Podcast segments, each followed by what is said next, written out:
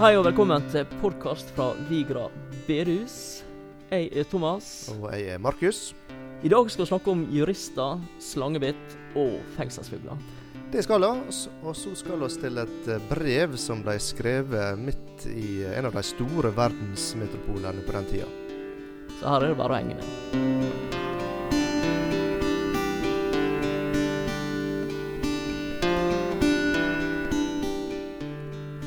I dag var det egentlig tenkt å begynne hele greiene med å snakke om den kabinfeber, eller eventuelt nødrespirator og sånt noe. Men, eh, men været, Markus?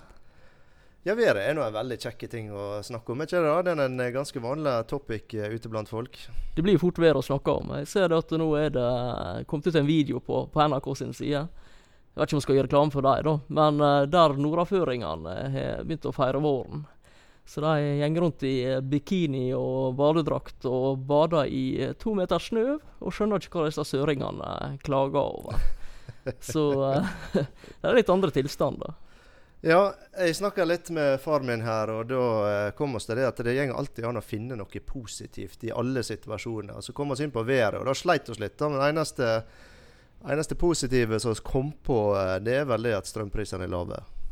Strømprisene lave, det er veldig fint. Ja, ja. Jeg drev og satte frø til sånn reddika og styr og stell. Jeg vet ikke hvordan det går nå, da, men det, det får bare våge seg. Ja. Nei, Det kan se ut som får ei hvit påske, så det blir spennende. Ja. Jula var ikke hvit. Nei, det var ikke det. Ja.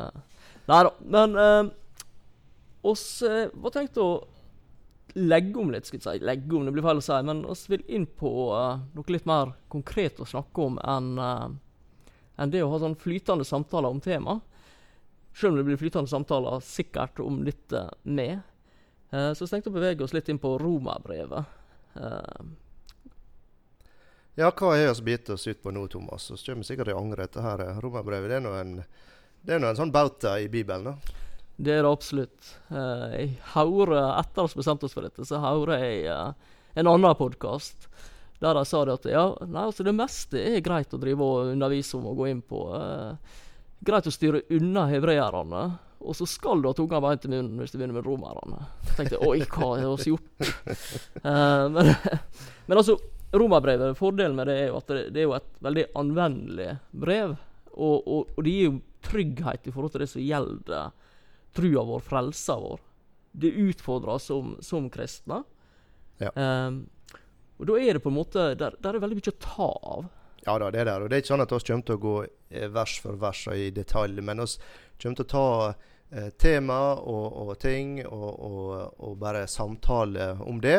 Og eh, kanskje en gang er det et helt kapittel, andre gang kan det være ett vers. Det, ja, så ser vi litt eh, hvor det gjenger, Men eh, det er ufattelig mye å ta av. Og det er veldig sånn Det er ganske komplett da, i forhold til oss som kristne. Både altså hele prosessen fra begynnelse til slutt.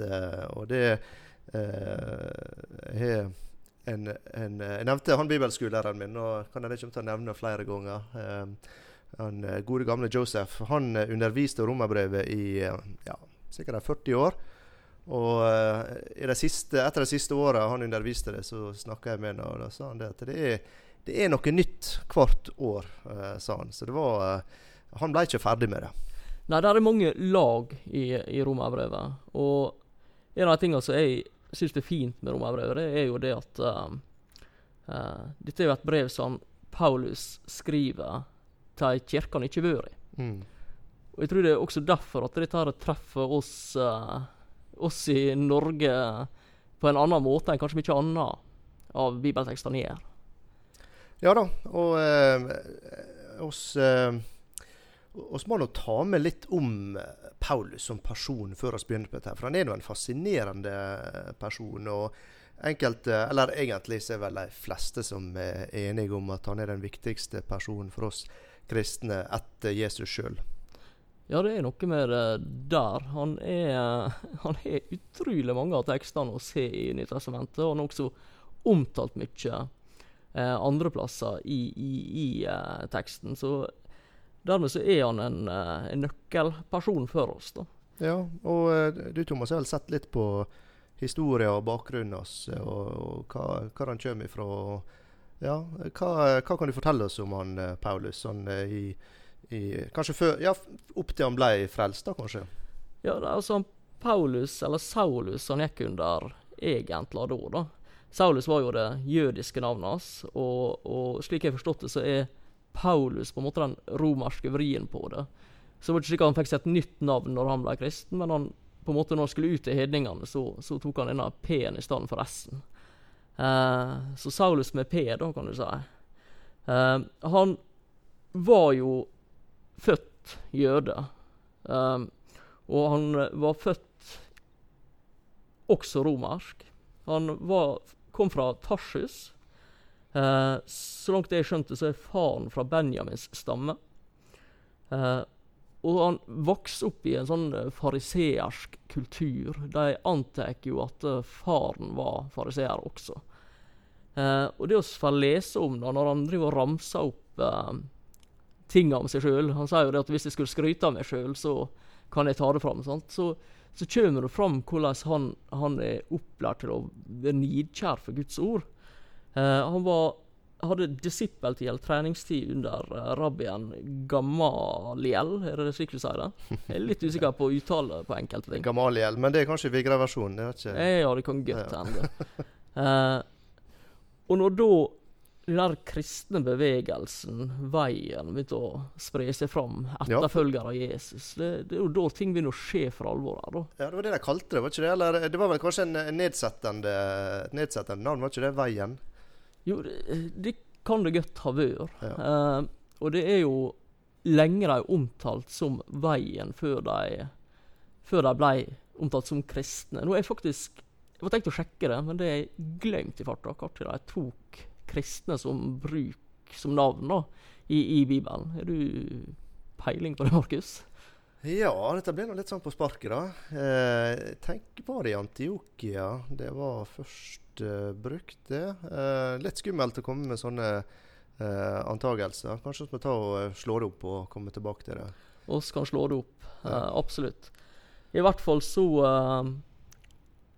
så var det det å forfølge dem. Han ville ha slutt på dette. Han mente det var jo feil, rett og slett. Uh, og, og, han fulgte etter de kristne. Han var med på steininga av Stefanus. Eller han var ikke fysisk med, så vidt oss veit, men han ga sitt samtykke i det. Uh, ja, altså fysisk. altså Han var til stede, men han uh, kasta sikkert ikke Så langt vi vet, så kasta han ja. stein, men han, han, var, ja, han, var, han, var, der, og han ga sitt samtykke ja. i det. Og man hadde en slags Enkelte vil til og med påstå at kanskje det var han som arrangerte hele, hele greia. Men det blir litt sånn uh, synsing, da. Uh, nå, altså Du nevnte fariseer. Altså hva det er kanskje vanskelig for oss å sette oss inn i egentlig uh, hva det er for noe. Altså Det var en det, det var en, en, egentlig en jurist eller en advokat, eh, samtidig som var en svært religiøs person. Men klart, lova på den tida var også religion, ikke sant? Så, så det er på en måte både religiøst og en, en, en, en jurist eller advokat. Ja, det er veldig sammenfatta, rett og slett. Ja. Fordi at uh, når trua di er lova di, og lova di er trua di, mm. da Så han, han blei det oss kan uh, jeg vil forbinde med en jurist. da. Ja. Uh, ja. Og, og, for så vidt med en form for politisk makt oppi det med. Ja. Så han hadde, han var en fornem type, rett og slett. Ja da, han var lederskikkelig. Og, det, og det ikke, da kan han kanskje forstå litt av det som kommer seinere med forfølgelsen. at uh, han, han, var ikke bare en religiøs figur, men han hadde faktisk en uh, uh, Han hadde lova på en måte bak seg, eller den, den lovgivende uh, makta på en måte bak seg. da, som gjorde Absolutt. at han kunne ja, da, han, han, det var ikke slik at han tok beina fatt og begynte å jage kristne sjøl. Det, det, var noe han hadde med seg jødene på. da. Eh, Apostelgjerningene 11.26 i Antiokia så er det at de blir opptalt som kristne. Oh, i Antiok Antiokia, ja. Ja, ja. Så det, det, stemmer nok. Ja. Eh, nei, og han eh, ble jo da Fikk et møte med Jesus på vei til Damaskus, der han var på vei for å skal si, plage de kristne. Ja. Plage er vel mildt sagt. Det er et uh, mildt ord om det. Uh, tanken, slik jeg skjønner det, så hadde ikke han noe mindre ønske enn å rett og slett utslette disse her, uh, kristne. Nei. Eller veien. Nei. Så han la det i lenke, og hva han gjorde med det, det kan vi gjette oss fram til. mm. Så Nei, uh, møtte Jesus, ja, på vei til Damaskus. Uh, og den historien den kunne vi brukt mange podkaster på. Ja da, det kunne vi. Tror jeg egentlig vi bare hopper videre og sier at der ble han frelst. Han fikk Ja. kallet sitt. Han reiste fra Damaskus ut i ødemarka, der han uh, ble opplært av ånd, eller opplært i evangeliet, i trua, Ja. gjennom tre år, før han reiste videre. Uh, og da ble jo det veldig mye jeg som snakka nå, Markus, så kanskje, kanskje du skal ta det videre? vet ikke? Ja, eh, det er Altså, det er en innholdsrik fyr, dette her, så det er ikke eh, oss, oss eh, kommer bare til å nevne litt kort, da, men bare for å gi et litt inntrykk av, eh, av denne personen. Og det eh, Altså, han, han er Hans omvendelse, da, for å si det sånn. eh, det kan virke som han faktisk var i ferd med å lykkes med å utrydde de kristne. Mm. Og hans omvendelse det er et av de store vendepunktene rett og slett i uh, verdenshistorien. Uh, og det ble vendepunktet for uh, oss som, uh, som kristne. Eh, og så eh, har han da også forfatta eh, 14 eh, eh, bøker som former vår lære, vår teologi, eh, og, og som igjen da har forma eh, verdenshistoria på, eh, på mange ulike måter. Så, San Paulus er en helt unik mann eh, i, eh, i verdenshistorie. Så det er ikke eh, det er ikke hvem som helst som står som eh, forfatter eh, bak dette brevet. Og, eh, eh, og, og så hvor, eh, hvor han ivra i eh, utryddelsen av eh, de kristne. Og den iveren ble på en måte snudd av 180 grader. Eh, og han gikk inn i si tjeneste for eh, evangeliet med en eh, iver som uh, mangler kanskje sidestykke sida i, uh, i verdenshistorien. Eh, så han, han hadde da sin tjeneste Han holdt på i 35 år etter sin omvendelse. Døde i en alder av 66 år. Uh, og du var inne på det at han, han fikk uh, opplæring, og det med kan han gå litt uh, inn på. da. Han, han eh, eh, Det er i hvert fall ei, ei overnaturlig opplæring som han fikk. Helt Eh, klart. helt ja. klart. Uh, ting som skjedde i hans tjeneste. altså Det, det er masse det, det er en lang liste, men blant annet så var han med på å reise opp en person fra de døde, og han opplevde for å si kanskje sjøl å dø. Uh, han ble steina, Uh, han ble forfulgt, piska, fengsla, steina, slått. Han ble skjebrudd tre ganger. Han opplevde slangebitt. Eh, og eh, eh, han satt i fengsel i, i til sammen mer enn fem år. Og du kan tenke da, altså Hvorfor i alle dager skulle Gud tillate en slik person å sitte i fengsel? Altså Han hadde en tjeneste på 35 år, og fem av de åra sitter han da i fengsel. ikke sant? Hva, eh, hvorfor det? Eh, og Det er ikke sikkert han helt skjønte det sjøl heller, i den situasjonen han var. Eh, men det i seg sjøl førte til at han da fikk tid til å sitte og skrive brev til eh, andre kristne og til andre eh, forsamlinger, menigheter rundt omkring. Og det er de brevene som oss eh, har da i dag. Så det er et eksempel på Guds visdom, at Guds veier er høyere enn en våre veier. Og, og Fengselsoppholdet førte, også til at mange ble frelst. eh, og, altså fangevoktere, og helt inn i, inn i keiserens familie var det folk som ble, ble frelst pga. disse eh, fengselsoppholdene. Og det viser eh, to forrige podkaster som har snakka litt om eh, det med at vanskelige tider kan åpne muligheter for Gud og Guds evangelium og oss som kristne. Og Paulus' erfaring var absolutt det. Og har ikke vært for at han satt i fengsel, Markus, hva hadde da skjedd med de bibeltekstene oss har i dag? Ja, det er akkurat det. Da hadde ikke han hatt behov for å skrive på samme måte som, eh, som han eh, måtte da han satt i fengsel. Så eh, ja, og Han var menighetsplanter. Han planta minst 14 menigheter. eh, men det, egentlig beskriver ikke det hans innflytelse. Fordi han var i de fleste byer den da kjente verden, og han kom også til eh, Europa. Og egentlig, når vi sitter her i dag, så, så har vi en veldig takknemlighetsgjeld overfor Paulus. altså. For uh, har ikke vært for han, uh, iallfall menneskelig sett, så uh, hvem veit om oss hadde vært de som hadde fått uh, evangeliet.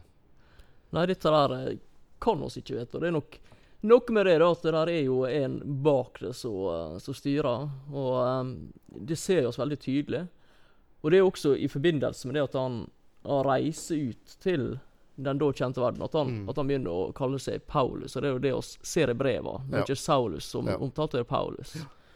Um, men der er jo en vesentlig ting jeg har lyst til å nevne når vi er inn på disse tingene. her. For han, Paulus er jo i en spesiell situasjon. Han er ikke en kristen som hvem som helst. Nei. Altså, det kallet han fikk, det var jo ikke bare det å følge han. Det var jo et kall til apostel. Mm. Eh, og det gjør jo at han havner i samme posisjon som, som disiplene som eh, Jesus hadde. Eh, en apostel, det betyr å være utsending, utsendt av. Uh, og kommer fra gresk, uh, og betyr rett og slett en som er utsendt. Det innebærer at han har ei fullmakt, opptrer med autoritet på vegne av den som er, han er blitt sendt av.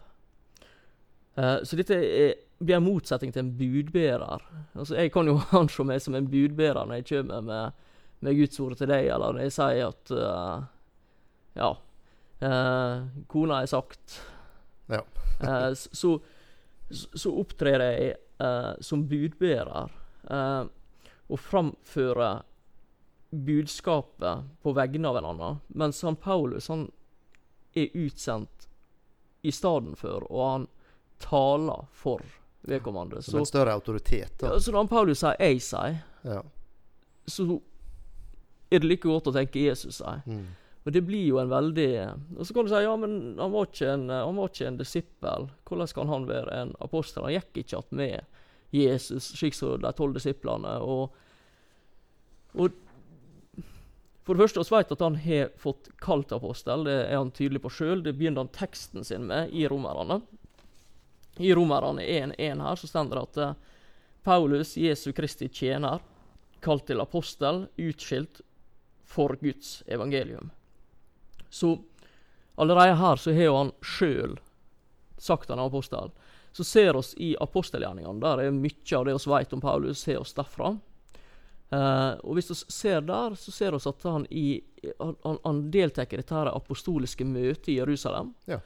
Der han helt tydelig er en person som blir anerkjent og får de andre høre på. Uh, og også havner han i en Han konfronterer han av Peter, egentlig. Eh, og det blir en ganske heftig diskusjon der som Det er helt tydelig at han, også han Peter anerkjenner autoriteten Ja, hans ja. Paulus oppi dette. her. Ja da. Så det gjør at jeg og du kanskje ikke trenger å tvile på det. Nei da. Nei da. Det Ja, så langt jeg vet, så er det ikke så veldig omdiskutert, dette der. Men klart han er en han er en litt spesiell rolle i forhold til uh, apostlene ellers. Det, det er ikke tvil om. Um, yes. Nei, men uh, han er en fascinerende person. Og jeg, jeg eh, tenker litt sånn om Paulus også, at han av og til blir sett litt ned på frakta pga. at det blir tatt fram en del, en del ting. da, At han blir sett på som kanskje litt hard, eller at han har et, et feil eh, kvinnesyn, eller sånne ting. Men når han ser på Paulus som person, slik som oss møtene i, i brevet, så, så er det mange sider ved han. Altså Han var eh, en visjonær, han var en, eh, en person med voldsom utholdenhet. Han var sterk, men han var også omsorgsfull. Eh, veldig omsorgsfull. Han var ikke redd for å vise følelser. Vi leser om tårer. Eh, vi leser om eh, lengsel, om sorg, om glede. Eh, og vi kan se at Jesus og evangeliet det var selve drivkrafta og målet i hans liv. Eh, og han var full av nåde og full av kjærlighet. Eh, han var en fyr som var veldig målbevisst. Og det er også en som Bibelen sier skal følge etter. Altså han, han kan oss trygt anbefale se på Paulus og følge hans, hans eksempel. Så en, en veldig fin fyr. Og i løpet av romerbrevet så så får vi bli litt mer eh, kjent med han gjennom måten måten Så får jeg få se hvordan han, han tenker og logisk framstiller eh, eh, dette brevet. Eh, selvfølgelig da inspirert av eh, Den hellige ånd. Så da vet ikke, Thomas, er oss klar til å begynne å ta et lite jafs av selve teksten her, da? Ja, det er klart, nå ble det mye bakgrunnsinformasjon her. Men Ja. det kan være litt greit, litt nødvendig å ta med. Eh, oss, eh, det, det, det er noe med å gi folk eh, kjennskap og, og, og bakgrunnen for den personen som har skrevet det og leser. Men Ja. Paulus han gjør noe som eh, oss også vil gjøre, og det er å han switcher over, og så retter han blikket mot Jesus. I Romerne her så bruker han et vers på seg sjøl, og så et vers på begynner å vri det, og så er han på hans sønn. Mm. Eh, og jeg tenker vi kan gå videre i teksten her og, og, og jobbe litt videre.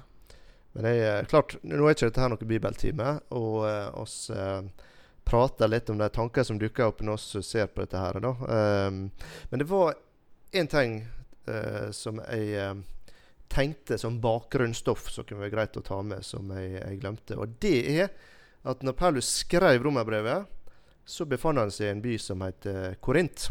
Ja. i, eh, i Hellas, eller Grekenland, eller hva de kalte det på den tida. Eh, og kan man kanskje kan kanskje nevne litt om den byen, da. Eh, fordi eh, i eh, Allerede i første kapittel her så får han en ganske sånn eh, voldsom eh, beskrivelse av eh, en verden i synd og urettferdighet. Og eh, I eh, Korint så så han veldig mye av det rundt seg. Det var en veldig materialistisk eh, by. Eh, veldig rik, eh, strategisk viktig som handelssentrum. Med en voldsom eh, gjennomgangstrafikk av folk fra forskjellige nasjonaliteter. Og det var veldig mange der som levde i sus og i dus. Hadde, var, var rike. Det var en voldsom denne livsnyting der. Dette med sensualitet og seksuell utfoldelse var eh, veldig utprega. Eh, og de tilba da gudinna Venus eh, der. Eh, helt, eh, helt åpent.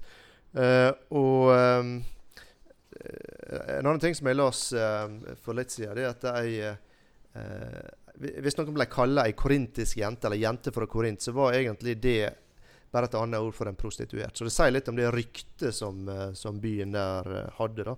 Uh, så det av og til, altså For meg så av og til så tenker vi at ja, ja, Paulus han levde i en på en måte en helt annen verden enn det oss uh, befinner oss i. Men han satt her i en verdensmetropol som uh, eh, var utprega på en måte i forhold til et utsvevende liv og eh, materialisme og eh, umoral og sånne ting.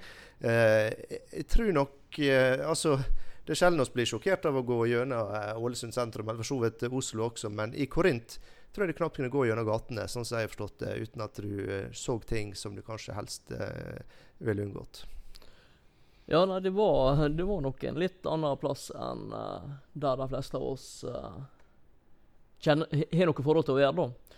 Um, og det er jo også Det blir jo noen andre brev, da, men det kunne vært interessant å se litt på eh, hva resultatet av det var, sånn, ut ifra Korinterbrevet og sånt. noe. Mm. Ja da. Eh, men det får heller bli til en uh, seinere gang. Men det kan være greit å ha som bakgrunn i, i dette. Ja. Men Paulus han retter blikket mot Jesus. Det gjør han. Tredje verset sier han om hans sønn, han som etter kjødet er kommet av Davids ett, og som, er, eh, som etter hellige, hellighetsånd er godtgjort å være Guds veldige sønn ved oppstandelsen fra de døde, Jesus Kristus, vår Herre. Ved ham har vi fått nåde og postelembete for å virke troens lydighet blant alle hedningfolkene, for hans navns skyld. Det, det måte, han, han vrir det rett over på Jesus. Mm. Han vrir det rett over på han som er den her eh, sentrum av det oss tror på, av, av det å kalle seg kristen. Så er det en person, Markus. Ja, Der er det. Og det er Han forankrer det i Det gamle testamentet, men så er det liksom at alt dette her med Det gamle testamentet og, og disse her hellige skriftene og alle løfter Fokuset det er Det handler om hans sønn. Og så har det også dette flotte uttrykket 'Guds veldige sønn'. Uh, og der som i i vers 5 så nevnte ved ham. Altså det er hele tida tilbake til Jesus Kristus. Og det er um, Det kan ikke sies ofte nok hvor viktig person Jesus er for oss som eh, kristne. Fordi oss blir så eh, på en måte opptatt med omstendigheter, ting og tang, og eh, forskjellige eh, retninger innenfor eh, vår tru, kan du si, og andre religioner. Men, men til sjuende og sist så kommer vi tilbake til en person. Og, og hvis noen har lyst til å krangle med deg om alt gale som eh, kristne har gjort opp gjennom historien, så kan du egentlig si at ja, de, de har gjort mye gale, og, og, jeg har gjort mye gale, jeg også. Men se på Jesus. Det er han. Det er han det vi eh, vil rette oppmerksomheten imot. Det, det, er ikke meg, det er Jesus. Nei, det er ikke meg. Ja. Det er det. Og det er ikke religion. Det er ikke eh, på en måte gjør dette, ikke gjør dette, skal, skal ikke. Men det er Jesus. Og får du et møte med han, og får du se han for den han er, så eh, er det veldig mye som uh, faller på plass. Du sier ikke religion, Markus. Uh, hva, hva, hva, er det på en måte som skiller det å være kristen, det å være en Jesu etterfølger, fra religion? Ja, det er noe sikkert mye som kan sies om det. Men et, et, av, et bilde som jeg las for litt siden, som jeg syns beskriver ganske bra, da, det er Eh, der du, du, tenker deg at du er ute i ei elv. Eh, strømmen er for kraftig, du, du, er sliten, du klarer ikke å svømme. Du er på en måte gitt opp håpet litt. Og så ser du to personer som står da på elvebredda. ene han står og roper ut instrukser. 'Gjør sånn, ikke sant. Eh, du må ta av deg kanskje en genser, så det er lettere å svømme. Prøv med denne teknikken her, ikke sant.' Og, og roper instrukser. Og for all del ikke svøm denne veien. og ja, og så den andre personen han vrenger av seg skjorta og hopper uti og kommer svømmende mot deg. Og religion da, det er han som roper ut instrukser for hvordan du skal klare dette her sjøl og berge deg sjøl.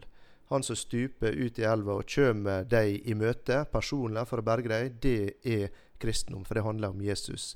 Han som Gud sendte for å komme ned hit og, for å berge deg og meg. Og det fine med han personen som stuper uti, er at uh, han fins. Han fins, han er det. Ja, og det uh, Nok sagt om det. ja, og samme hvor strie strømmer som er rundt deg, og samme hvor mye eller hvor lite du føler at du uh, fortjener dette, det er, det er ingenting med saken å gjøre. Det er kun Jesus og det han har gjort, det handler om. Helt klart. Helt klart. Ja, det er fine begrep, Markus. Guds veldige sønn. Det er jo et stort navn, stort ord om en person. Uh, men det å beskrive Jesus Ja. Hvordan gjør du det? Hvordan gjør du det? Ja, det trengs iallfall en del uh, ord. Og klart han altså er helt i begynnelsen av romerbrevet ja, her. Og vi må kanskje tillate brevet og etter hvert eh, avsløre og vise oss eh, stadig nye sider. Ikke bare med med den Jesus er, men uh, også med det han er gjort. Og hvor utrolig fullkomment og perfekt uh, det som også kaller frelsesverket, eller den redningspakken. Hva er det, kan jeg si noe? Krisepakke, det jeg snakker om. Uh, jeg jeg syns det er en ny krisepakke hver dag fra regjeringa. Det, det, virker sånn. Ja, og jeg, og, ser, ser overskrift uh, senest i dag at her er regjeringas krisepakke. Og så tenkte jeg, la oss ikke dette i går. Men men Gud kom også med en krisepakke. Men det var bare én. Det var nok med én. Måtte ikke begynne med nye milliarder neste dag og neste dag. Og han hadde ikke tatt høyde for sånn og sånn og sånn. Nei, han, han ser historien fra begynnelse til slutt. Kom han med én krisepakke, og den ordner alt. Og den ga oss da dette innpasset til å bli sånne som kan si Abba far, som det står så fint. Ja da, det vi kommer oss til. Så det Mye fint. Det, ja, da. Det, det, er lett å ville hoppe litt fram og tilbake. Ja, det er det. Det, er det.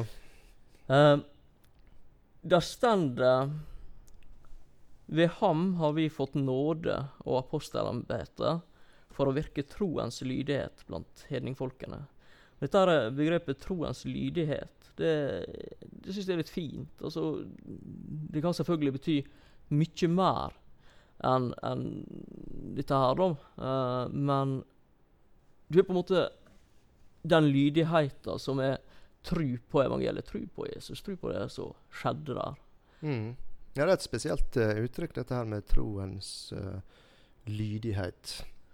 Og, og, og, så blir det en annen vinkling du kan ha på det med, og det er denne lydigheten som, som kommer av at vi har en åndelig vekst, at vi kommer i ei uh, i denne helliggjørelsen som snakker om. Og Det er også noe som romerbrevet tar for seg. altså Det tar jo for seg rettferdiggjørelsen, og det tar for seg helliggjørelsen. Det kommer vi jo snart tilbake til. Ja. Men helliggjørelsen, vi snakker om det, så er jo det på en måte den, de fruktene som er av denne vandringa med med Frelseren oss gjenger sammen med. Og Ja. det, Ja, og det, men klart lydighet, det Jeg vet ikke. Du, du har vel Jeg regner med du har veldig lydige unger. Er det er det, er, det, er, det, er, det, er det basert på tru? Er det basert på Ja, og så er vel litt forskjellige former for lydighet. Ja, og så er jo lydighet basert på konsekvensetikk. Altså frykta for det som kan skje, eller både positivt og negativt. Altså Ja. det det gir oss, gir, gir lydighet. Ja. Du har lydighet basert på en form for ære til, til en person. Ja. Og lov og regler. ikke sant? Lov og Eller- regler. Altså Lov og regler, fartsgrense, det er vel, det er vel litt fryktbasert. Uh, Det, det er jo fryktbasert, det vil Du får en ganske saftig bot. Uh. Ja, Og og- religion, hva er religion, da? Det er, vel, det er vel litt fryktbasert uh, ofte, ikke det? Uh, ja, det er vel litt både òg der også. Men Ja, det, det, er ikke, det, det, det er ikke denne troens lydighet. Nei, det er ikke troens lydighet det er snakk om her. Og det, jeg tror det er viktig å skille på. For altså, om jeg Nå er jeg pålagt fra Guds ord å forholde meg til uh, lover og regler i det landet som vi bor i. Og Ja det har vi vært litt Ja. innpå Ja. tidligere. Men um, det så, så, så det kan jo basere både på trua, men også på det at oss er som nordmenn så er oss underlagt den regjeringa, den styresmakta som er over oss. Um, og når de sier at ja, OK, du skal betale skattene dine, du skal holde fartsgrensa, Mm. så, så er deres måte å få meg til å gjøre det på, det er å si at ja, OK, blir du tatt i 80-60 soner, da har du et problem. Ja.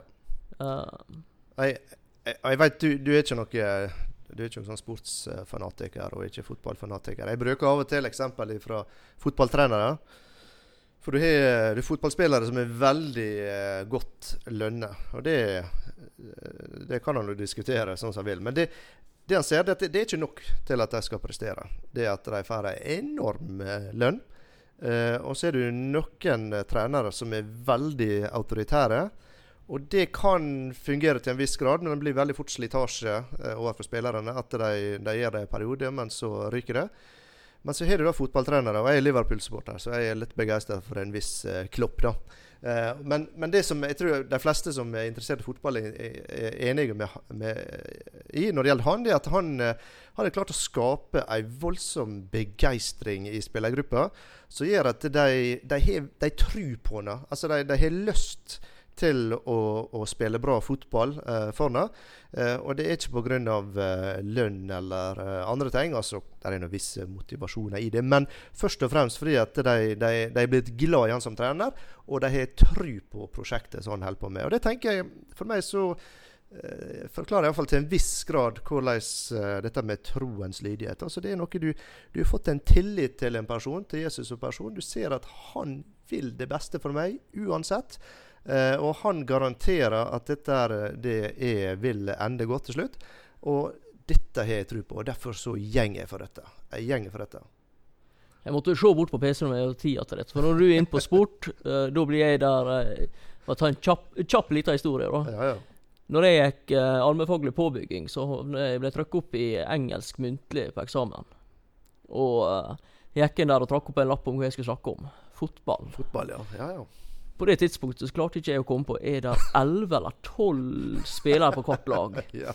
Så, men men jeg, skjønner, jeg skjønner bildet du bruker, Markus. Jeg skjønner Ja, ikke skjønner ja det på fotball. Ja. Eh, det det. Ja. Og, og det er jo det som er så fint med, med måten han Paulus skriver sine tekster på, og, og det han formidler når han er ute blant folk, i hvert fall ut fra det oss får i uh, apostelgjerningene og i brevene, så er jo det dette her fokuset på Jesus, ikke på alt rundt. Alt rundt. Han kommer inn på det, han tar med det som er nødvendig. Han gir oss veldig mye. Men det er Jesus, Jesus, Jesus. Eh, og det, det er jo det han, han bruker tidligere i brevet, så adresserer han Nei, så, så, så legger han fram om Jesus, og så adresserer han det til, til det folket som han, eh, som han skal treffe. da. Og det er til alle Guds elskede, kalte og hellige, som er i Roma.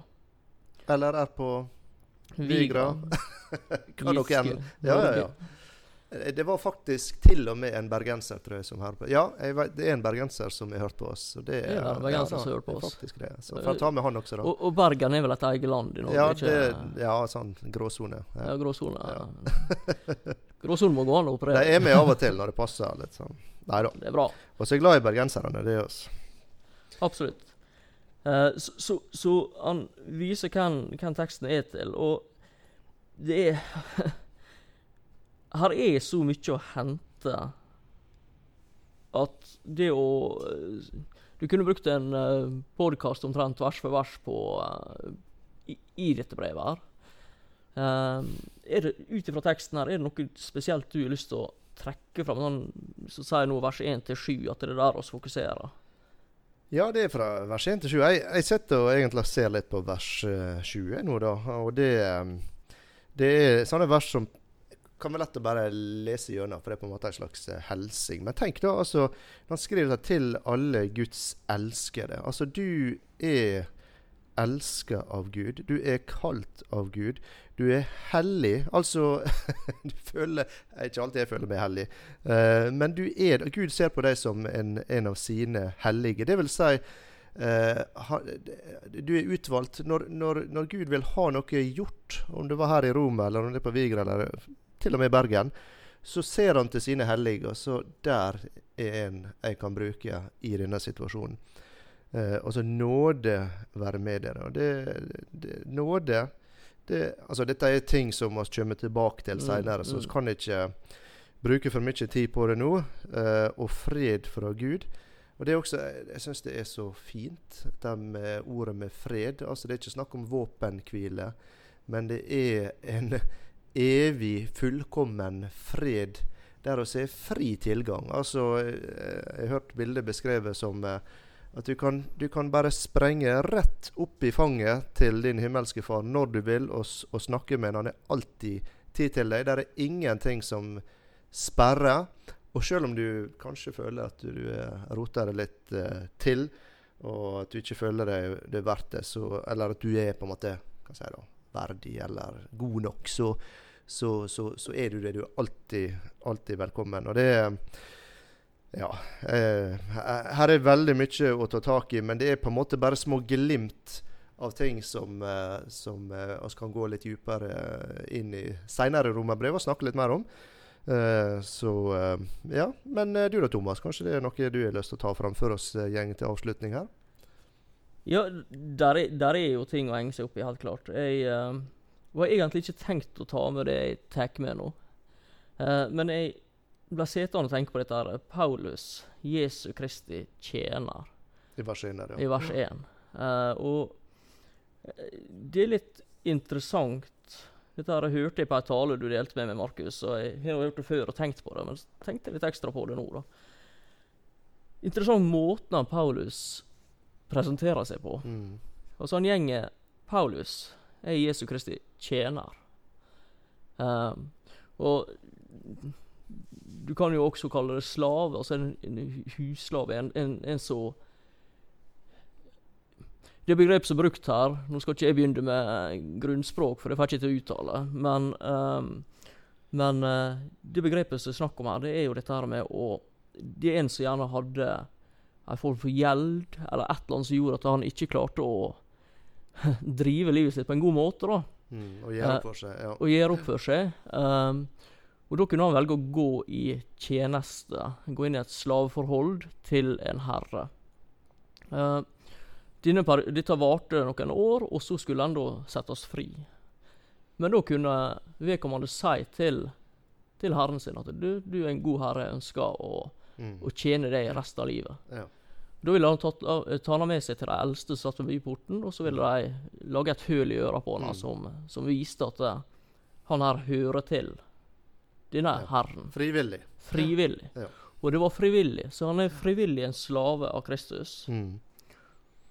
Og så er det det første han velger å presisere. Jeg er en frivillig slave av Kristus. Jeg har gitt livet mitt til ham. Jeg lever for ham. Uh, og så tar han også med at han er apostel. Der har han en form for autoritet. Men den kombinasjonen der, det, det viser sånn Han Paulus har ofte, når han skriver, så er det ofte ganske sånn kraftig språk og litt sånn tidvis provoserende. Uh, men det viser veldig sånn ydmyk holdning også, dette her. Som, uh, som jeg syns er veldig flott er med her nå. Mm.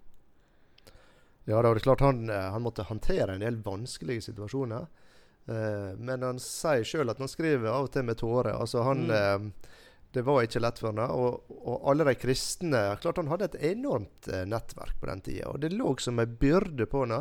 Eh, det virker som alle forfølgelsene og plagene og alt som skjedde, det, det, det var mindre utfordrende for han det enn den vekta av det ansvaret han følte han hadde for alle, alle kristne. Fordi at han, han måtte ha hatt en veldig eh, empati, på en måte, i, der han tenkte på, det, på andre rundt seg hele tida. Ja, det virker som han var en, uh, en mann med dybde, da, for å si det slik. Ja.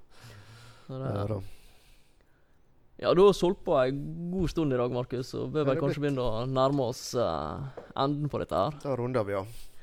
Uh, det blir jo å hoppe litt fram i tid, dette her nå, hvis vi fortsetter i romerbrevet. Men uh, å snakke om det med lydighet og, og, og sånt, så da tenker jeg at det kanskje oss uh, skal ta med hva det er er lydig mot. Og i kapittel 8 og vers eh, 38 og 39 så står det noen veldig fine setninger. Jeg tror vi avslutter med det i dag. Ja. For jeg er viss på at verken død eller, eller liv, verken engler eller krefter, verken det som nå er, eller det som komme skal, eller noen makt, verken høyde eller dybde, eller noen annen skapning, skal kunne skille oss fra Guds kjærlighet Kristus Jesus, vår Herre. Ja, her er virkelig noe å sette sin lit til. Altså. Det, det er det. Så eh, fin avslutning. Så uh, veit ikke om vi uh, skal ta noen påskepodkast eller hva det blir, men uh, oss uh, får se hva det blir neste uke om vi uh, prøver å spille til. Jeg er ikke imot det, i hvert fall. Nei da, det kan vi få til. Nei, men da sier vi takk for oss.